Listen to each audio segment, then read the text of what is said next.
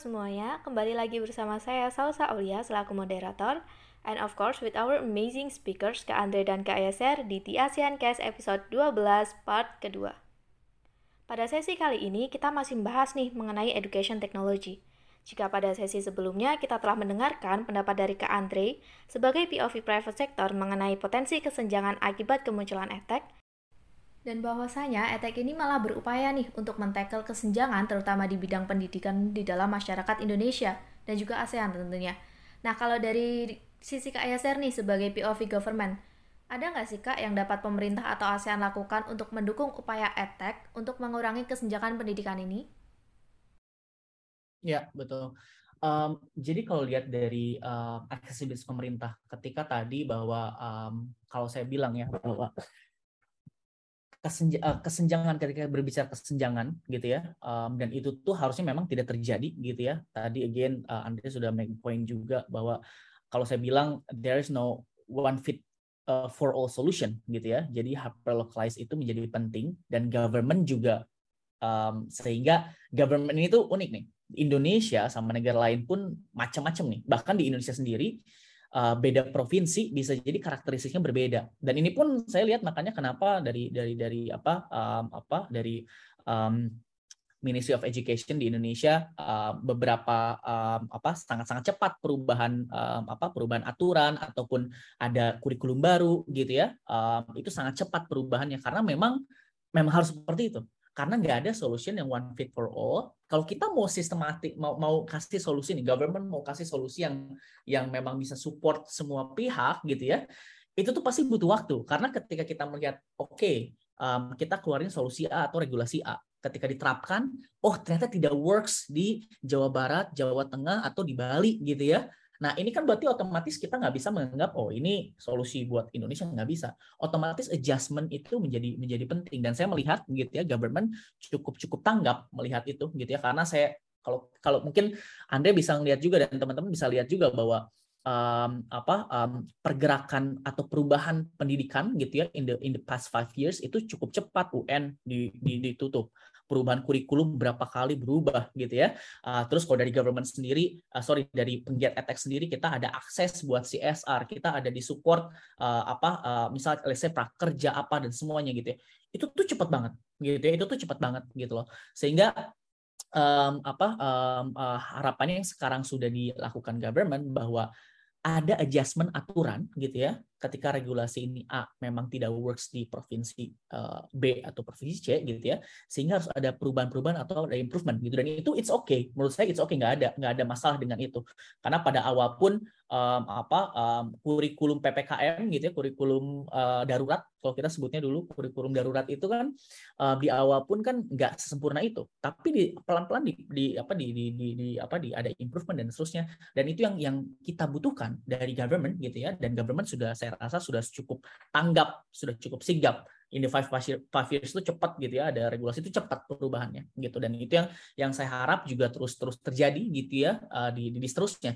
Karena kalau kalau regulasi pun tidak adjust gitu ya, harapannya sudah tidak menjadi relevan ketika aturan sudah tidak menjadi relevan, kita seakan-akan menganggap aturan ini dilaksanakan dengan baik dan dan membuat semua menjadi lebih baik, padahal tidak. Itu yang ditakutkan kan, gitu ya.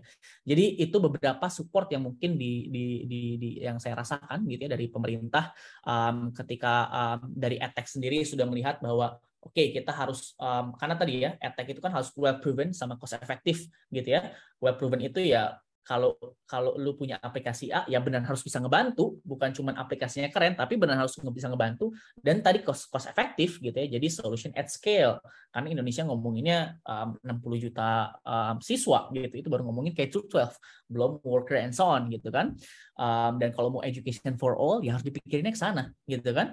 Um, uh, it, it, itu mungkin yang uh, kalau saya kalau saya sebutnya dengan entrepreneur mindset. Entrepreneur mindset ini bukan cuma dibutuhkan oleh penggiat etek tapi juga dari government juga. Entrepreneur mindset itu kan artinya kita mau jual produk gitu kan, kita mau jual produk. Produk ini kita pengen jual ke market A. Kita pahami market A-nya gitu ya, kita jual harapannya dibeli. Otomatis ketika dibeli kan match ya apa yang supply demand, apa yang dibutuhkan sama yang kita provide entrepreneur mindset ini tuh sama mau di government mau di penggiat etek itu harus muncul gitu loh ketika kita merasa penggiat etek bahwa ini kayaknya solusi sekarang kalau kita full online pakai aplikasi udah nggak relevan deh tapi kita paksakan itu terus padahal market nggak minta itu Nah, artinya itu kita kurang mempunyai entrepreneur mindset. Begitupun juga dengan dengan government, government juga harus apa? Saya rasa juga pada saat ini uh, apa? Uh, saya bisa melihat entrepreneur mindsetnya karena ketika regulasi gitu ya aturan-aturan yang sudah diterapkan gitu ya kurikulum, support uh, apa aturan uh, bahkan aturan CSR minimum ada berapa persen uh, sekian persen untuk uh, lakukan CSR atau di pendidikan dan seterusnya gitu ya hal tersebut memang harus harus apa harus harus bisa di-adjust gitu loh. Karena kita mempertahankan relevansi gitu ya. Jadi kalau ngomongin um, aturan, aturan ini harus selalu relevan. Ketika aturan harus selalu relevan, which sekarang di edukasi berubah-berubah, aturannya pun harus harus harus apa? harus um, adjustable. Bukan berarti aturan harus terus diubah bulan depan harus berubah lagi enggak gitu ya tapi memang harus pada akhirnya memang harus menyesuaikan sampai ini kita menemukan um, apa uh, yang harmoni yang sesuai mungkin nggak akan fit for all banget gitu ya tapi at least sesuai sesu apa uh, harmonis gitu ya. Harmonis itu artinya tidak terlalu memberatkan gitu ya dan tidak terlalu menguntungkan satu pihak juga gitu ya. Jadi balance gitu loh. Uh, dan itu terjadi juga dari government nih. Kalau ngomongin government support dari pemerintah gitu ya. Um, ini kan jadi masalah utama gitu ya ngomongin ngomongin infrastruktur di Indonesia ini masalah jadi masalah utama dan government pun sekarang kita bisa lihat lima tahun eh, delapan tahun ke belakang gitu infrastruktur cukup digiatkan gitu ya, dibantu dengan private sector, dibantu dengan BUMN juga gitu ya. Um, ada apa? Uh, penguatan sinyal di beberapa uh, daerah 3T gitu ya. Um, itu kan bentuk support dari pemerintah untuk menghindari kesenjangan tadi. Kurang lebih seperti itu. Kalau boleh sedikit menenggap itu tadi statement statementnya Mas Yasir yang sangat menurut saya sangat relatable juga dan uh, benar juga sih. Uh, sekalian mau nanya juga sih kalau boleh nih sama moderator ya jadi jadi pertanyaan juga nih saya jadi uh, apa namanya uh, tadi Mas Yasser juga sempat ngomongin soal apa namanya one size nggak nggak fits all nggak bisa kita one size fit all gitu ya dalam memberikan solusi. Karena beda-beda kita benar-benar harus hyper localize tadi saya juga sempat sebutkan ya saya sebutkannya on the ASEAN level gitu. Di ASEAN tuh beda-beda. Tapi kita jangan ngomongin ASEAN dulu deh kita ngomongin Indonesia aja. Per sekolah yang beda-beda aja tuh beda banget kebutuhannya. Dan hmm. bahkan each each school saja tuh bisa-bisa punya kebutuhan yang beda lagi uh, uh, tahun depannya di sekolah yang sama gitu.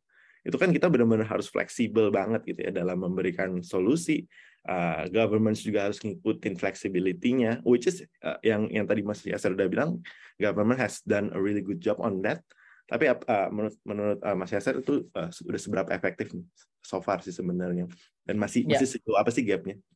Yes, betul. Ini um, ya jadi um, saya sedikit sharing bahwa um, 2000 sorry 2018 2018 itu saya pernah ngobrol sama one of the um, apa um, uh, staff dari uh, apa uh, sorry dia megang salah satu ketua dari um, apa under uh, Ministry of Education gitu ya. Sebelumnya juga tenaga ahli di uh, di uh, apa di Ministry of Education di Indonesia, di Kementerian Pendidikan Indonesia saya ngobrol sama uh, dia um, pada saat itu gitu ya saya masih di company yang sebelumnya gitu ya yang mungkin sekarang uh, one of the biggest attack in Southeast Asia um, dan saya di di ini di apa di di apa feedback dari dia tuh cukup quote unquote karena dia sangat sangat belak belakan gitu ya.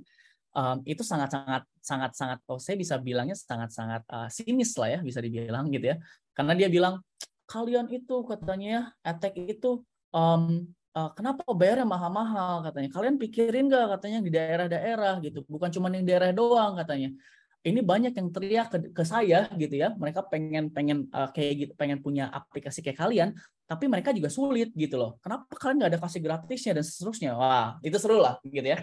Terus juga uh, pada saat itu saya juga uh, melihat oke okay, saya dengerin dulu tuh. Uh, karena bagus feedbacknya which is great gitu ya which is bagus gitu. Makanya pada saat itu if you notice uh, kita ada beberapa campaign juga akhirnya uh, buat yayasannya juga dan seterusnya uh, gitu ya.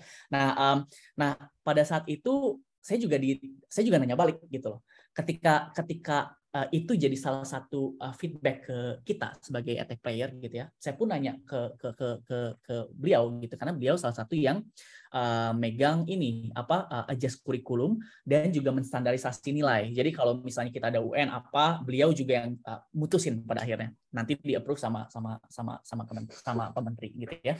Nah, saya juga nanya, oke Pak sebelum saya bahas itu, menurut Bapak sendiri gimana Pak? Kita ngomonginnya kan ini baru ngomongin attack, kita belum ngomongin yang paling basic nih Pak, yang kurikulum yang sekarang gitu ya.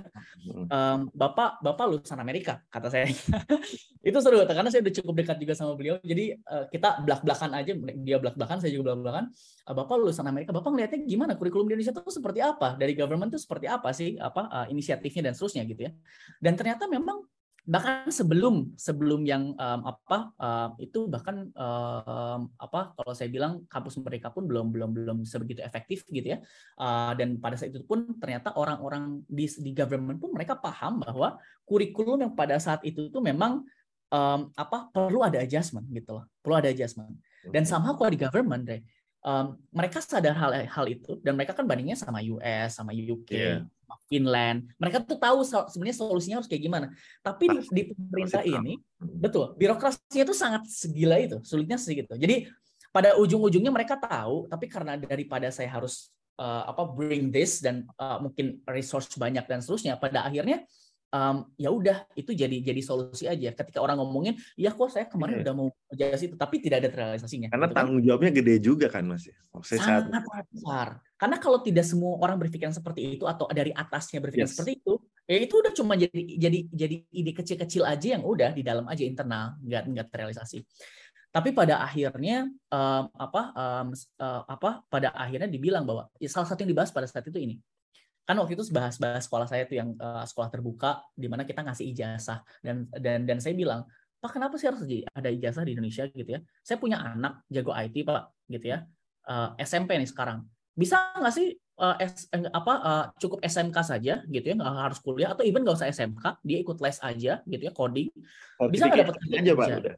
Exactly betul kan? Iya dan di Indonesia tuh kan masih kayak gitu kuat angkot walaupun sekarang udah jauh lebih baik ya. Tapi ya. di Indonesia tuh masih masih masih sekaku itu bahwa kalau lu mau dapat kerja dengan baik harus lu harus dapat ijazah. Harus S1 bahkan betul kan? Harus ijazah. Kalau kita ngomongin APK angka partisipasi angka partisipasi kasar di Jawa Barat let's say. Jawa Barat one of the biggest market ya. Uh, kita sama-sama tahu. Tapi angka partisipasinya let's say di di di, di junior high school SMA itu tuh makin turun 62 persen, eh sorry 72 persen something ke 68 persen, terus ke higher ed S1 itu sekitar 70 persen. Berarti kan orang-orang yang kuliah di Jawa Barat itu orang-orang spesial sebenarnya mereka bisa bisa bisa dapat uh, pendidikan gitu kan. Nah itu itu pada akhirnya yang yang jadi uh, diskusi gitu ya uh, sama sama sama mereka dan mereka sadar akan hal itu bahwa mereka itu harus adjust gitu ya um, dan dan itu yang saya lihat. Jadi saya kalau bilang sebenarnya sekarang udah seberapa efektif kalau dibilang efektif banget, saya belum uh, sekarang kita udah merasakan sedikit manfaatnya gitu ya. Tapi yang saya sangat salut itu apa? Keberanian membongkar birokrasi tadi, Bre. Karena kalau kita bisa lihat ya, dulu tuh kayak kalau saya frankly speaking lah, kayak kayak dulu tuh kayak ada kayak ada belenggu besar gitu ya. Yang kenapa sih ini dana APBN itu 20% loh. 20% gila. Di di apa di di di, di hmm. Indonesia itu 20% tiap tahun. coba tuh duit. Betul. Bayangin 20% tiap tahun stabil gitu ya. Gitu kan 20% itu is really really huge. That's itu udah huge triliun. It's, it's really huge. Nah, 20 20 20% itu ke mana larinya? Karena maksudnya bukan ke mana larinya nggak akan nggak di mana pada akhirnya kan emang harus diserap 100% gitu kan. Cuman ya. pada akhirnya kita kan sebagai penggiat pendidikan, kita jadi siswa, kita jadi guru, kita ngajar, kita penggiat edtech juga gitu ya. Kita ngomong sama user juga, kita kan bisa merasakan perubahannya gitu kan. Nah makanya yang saya yang ketika ngomong seberapa efektif sih sekarang gitu ya, saya tuh malah lebih mengasih apresiasinya ketika tadi belenggu tadi itu sudah sedikit-sedikit dihancurkan deh. Ya. Karena saya yakin hal ketika belenggu ini atau birokrasi yang sangat-sangat panjang itu dihancurkan, mau nanti back back selanjutnya siapa pun yang megang jabatan itu saya yakin ketika belenggu itu udah di udah dihapus gitu ya, orang lebih jauh cepat buat bergerak. Itu yang saya salutnya di situ gitu loh. Karena karena hmm. yang saya kaget gitu ya, saya pikir tuh mereka mereka tuh uh, dulu ya saya mikirnya kaku gitu ya tuh orangnya. Itu kaku kan gitu kan. Kalau saya bilang dulu tuh lima tahun belakang saya bilang tuh pendidikan Indonesia tuh kayak mesin fotokopi kalau saya bisa bilang. Jadi inputnya beda-beda, masuk ke mesin yang namanya pendidikan atau sekolah, keluarnya harus sama gitu kan. itu kan kita tuh dipaksa harus sama nggak bisa matematika ya harus bisa harus bisa semuanya dan seterusnya itu itu itu yang saya bila, bisa bilang bahwa tapi sekarang mulai ada adjustment gitu. Itu yang saya yang saya apresiasinya itu. Walaupun kita belum bisa melihat uh, itu itu seberapa apa um, efektivitasnya uh, apa besar tapi ketika tadi birokrasi itu sudah di sudah sedikit sedikit dihancurkan gitu ya uh, dan dan jadi jauh lebih cepat itu yang saya wah saya salutnya tuh itu. Hmm. itu yang saya salutnya tuh sebenarnya di situ. Bukan inisiatif satu dua tiga enggak. Tapi ketika saya melihat wah ini udah kelihatan banget nih ya. Wah itu udah luar biasa banget sih Andre karena nanti kerasanya mungkin nanti Andre tiga iya. empat tahun lima tahun infrastruktur mulai infrastruktur mulai kelihatan kita jauh apa jauh lebih jauh lebih um, fleksibel dan seterusnya mungkin in in the long term lah. Mungkin uh, kelihatannya tiga lima tahun ke belakang baru kita ngerasa oh gila nih kerasa banget. Kayaknya gitu. Ini di dalam tuh sebenarnya Mas Yasir udah lihat kalau ini pemerintah udah ngelakuin banyak banget tuh sebenarnya di dalam. Kita nggak lihat aja. Yes, yes. masih lama, cuman sebenarnya itu udah banyak banget di dalam yang kita udah break banget. Exactly. Itu yang itu yang saya salutnya di situ. Dan itu saya kenapa ngomong ini karena kita sebagai penggiat etek tuh harus tahu juga bahwa kita tuh punya akses ke mereka gitu loh. Bahkan kalau kalau anda tahu juga mereka tuh ada pertemuan etek juga sebenarnya gitu loh. Ya, mereka ya, tuh betul, berapa etek tiap bulan dan kita sebenarnya bisa join. Tapi kan kalau kita tidak open for that ya kita juga nggak tahu. Jadi pemerintah apa? Jadi sebenarnya kadang kita pointing finger ke pemerintah pemerintah tapi kita juga sebenarnya nggak nggak nggak nggak mau tahu gitu loh yang udah mereka lakukan tuh apa juga jadi both lah mereka juga harus sosialisasi kita kita juga harus open ke mereka juga sih gitu karena key banget sih mereka kalau di pendidikan pemerintah ya nggak sih Iya banget. kunci banget. Buat attack-attack nih ini nih, yang dari luar mau masuk Indo, nah ini kuncinya. Hmm. dah.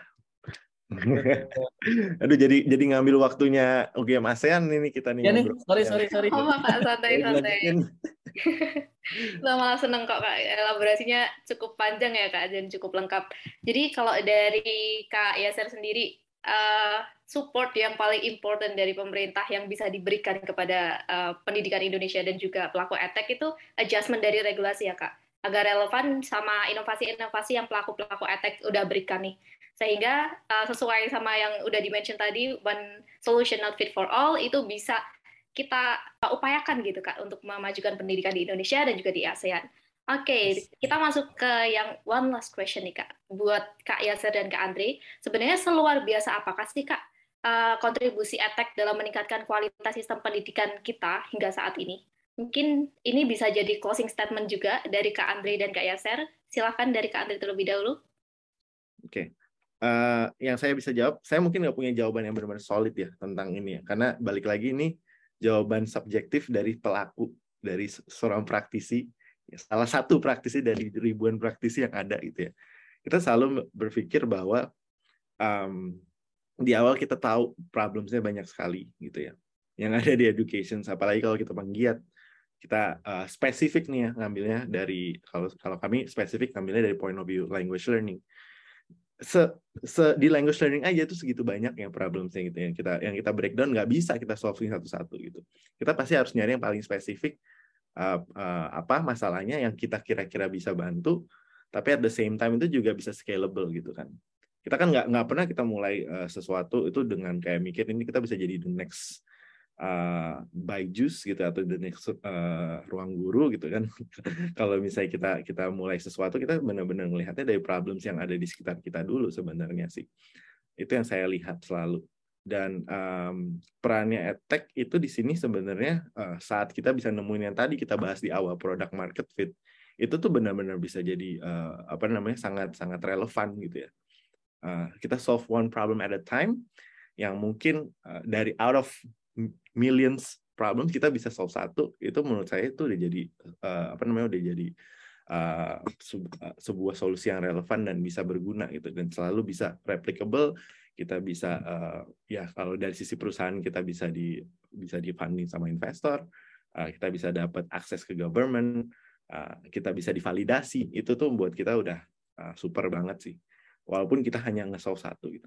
Yang punya power tetap government gitu. Jadi kalau misalnya kita bisa dapat banyak akses untuk kayak lebih tahu lagi sebenarnya validasi dari produk-produk kita seperti apa yang harusnya yang sebenarnya sedang dihadapi. Dan kita bisa uh, bikin apalagi kita sendiri yang sudah punya tadi udah bahas juga soal entrepreneurial mindset yang harus benar-benar bisa fokus uh, apa namanya solve sebuah problem yang spesifik ya pastinya kita akan lakuin gitu kan. Sebenarnya itu sih yang kita kita butuh ya kalau misalnya dari private sector Oke, okay, thank you Kak Andre. Mungkin bisa dilanjut dari Kak Yaser? Ya, um, seberapa impactful attack? Um, satu, kalau saya bisa bilang, um, attack ini memang um, kalau kita ngomongin GDP, pembangunan daerah, gitu ya, angka putus sekolah, attack berpengaruh besar menurut saya. Karena kalau bisa dibilang GDP sendiri gitu ya, um, sekarang attack di Indonesia sudah makin banyak gitu ya. Kalau bisa dibilang non-user 2019 yang tidak menggunakan aplikasi itu sekitar ada 60 persen. Jadi 2019-2018 itu yang masih belum pakai aplikasi itu 60 persen, which is masih banyak yang belum di tap. Sekarang ketika udah COVID, udah makin tinggi, artinya kan aksesibilitas sudah mulai tinggi. Itu impact yang sangat besar. Dulu ketika uh, pandemik gitu ya, um, dari government lagi apa lagi ngegodok si solusi buat uh, apa um, kurikulum darurat pada saat itu PPKM dan seterusnya, etek masuk, etek juga mau tidak mau kita harus apresiasi juga bahwa um, apa andilnya sangat besar pada saat itu. Bayangkan jika tidak ada etek di Indonesia pada saat itu gitu ya, kita mau seperti apa? Memaksakan ketemu tidak bisa. Akhirnya seperti apa? Lewat TV, apakah lewat TV berman, apa impactful atau lewat telepon, apakah lewat telepon impactful? Hal seperti itu kan memang uh, pada akhirnya kalau saya bisa bilang Etek mengambil mengambil peran yang sangat besar pada saat itu gitu. Untungnya pada saat itu Etek sudah mulai banyak di Indonesia dan memang tadi saya udah bisa bilang bahwa kalau ngomongin impact di uh, Indonesia sendiri startup udah makin tinggi gitu kan di Indonesia Etek makin tinggi, impactnya juga makin tinggi. Harapannya apa? Orang yang belum bisa ngasih akses belajar A B C D E karena ada aplikasi lebih murah gitu dan seterusnya, mereka bisa belajar dan ngasih aksesibilitas. Harapannya itu. Dan yang kedua gitu ya, impactnya apa? kita itu sebenarnya sadar tidak sadar kita lagi men-challenge pemerintah gitu loh. Nah, ini yang paling penting nih, men-challenge pemerintah. Kenapa? Karena pada akhirnya kita ini sebagai penggiat etek rata-rata mungkin kita private sector dapat funding dari luar and so on. Pada akhirnya kita juga comparing sama luar gitu loh. Uh, dan luarnya sama negara maju bahkan teknologi apa yang relevan di sana dan kita bisa nggak bawa ke Indonesia. Tapi again ujungnya hyper localize sesuai nggak sama Indonesia?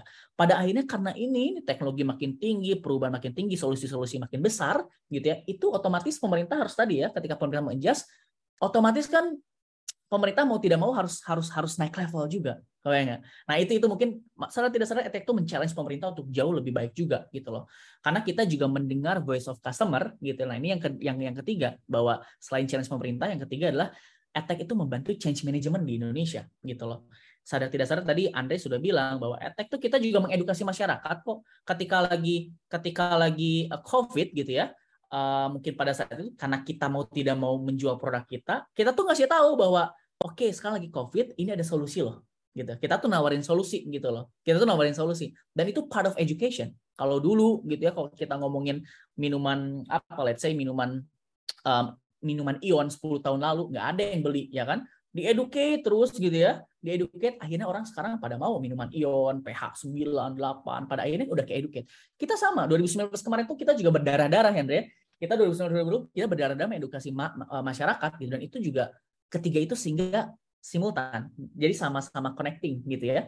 GDP-nya naik, angka putus sekolah tinggi, KPI pemerintah juga kita bantu, change management kita ngedukasi juga, dan yang terakhir secara tidak sadar kita men-challenge pemerintah juga. Nah itu mungkin impact yang saya lihat secara big picture gitu ya, peran ETEC di sana dan harapannya pada akhirnya ETEC tidak bisa berjalan sendiri, saya yakin.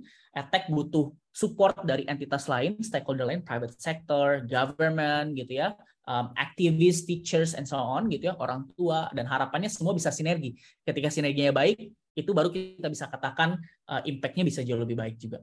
Kurang lebih seperti itu. Thank you Kak Andre dan Kak Yasser atas closing statement-nya. Dari Kak Andre kita bisa tahu seberapa impactful attack itu bisa dilihat dari uh, bukan seberapa banyak solusi yang ditanganinya, tapi seberapa efektif solusi yang dia sajikan untuk menangani suatu problem satu solusi yang efektif itu lebih baik daripada banyak solusi tapi tidak dijalankan secara maksimal. Kalau closing statement dari Kak Yeser tadi, kita bisa ambil tiga poin utama impact attack bagi pendidikan kita saat ini. Yang pertama, attack meningkatkan aksesibilitas pendidikan bagi semua golongan. Yang kedua, attack men-challenge pemerintah untuk semakin lebih baik ke depannya.